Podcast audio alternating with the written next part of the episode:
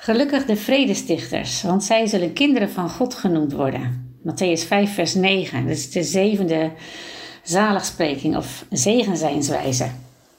Nou, en deze heeft speciale relevantie, want als er iets nodig is in zowel de kerk als de wereld, dan is het vrede.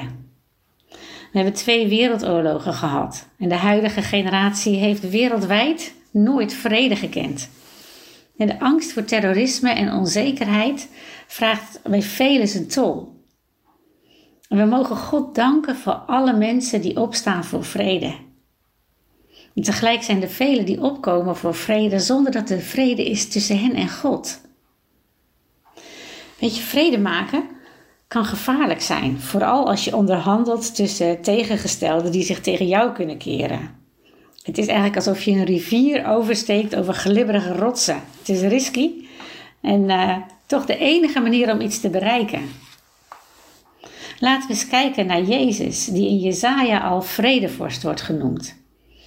Jezus heeft de unieke taak volbracht om die rivier vol glibberige stenen tussen God en ons over te steken.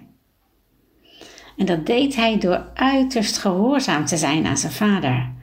En zo bracht hij een einde aan de vijandschap tussen God en ons. En hij bracht vrede voor onze onrustige harten.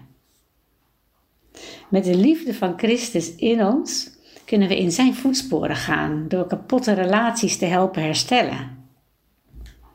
Misschien heb je in je kerk of in je werk of in je familie een verbroken of een moeizame relatie. Vraag dan de vredevorst om kansen en wijsheid om herstel te brengen. Dit kan niet altijd, maar ga je hart na en zoek of er in ieder geval in jouw hart de vrede en de wens is om uh, tot goede relaties te komen. En weet je, het is makkelijker om vrede te brengen als er geen onopgeloste conflicten in jezelf zijn. Er kwam eens iemand bij een psycholoog en uh, die psycholoog werd tijdens zijn gesprek gestoord door het telefoontje van de receptionist. Terwijl hij gezegd had dat hij niet bereikbaar was. En hij schold haar uit. Nou, de cliënt die stond op, die ging weg. Want hij zei tegen de psycholoog: Ik weet dat jouw advies alleen maar een leeg advies is.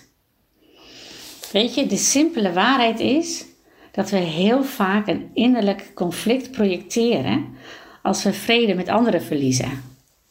Als ik bij mezelf naga, elke keer als ik een keertje uit mijn slof schiet of uh, ergens me over opwind, dan gaat dat vaak over iets waar ik van binnen geen vrede over heb. Ga dat ook maar eens bij jezelf na of dat klopt. er was eens een banner bij een kerk waarop stond: Laat elke christen het werk van eenheid in zichzelf beginnen.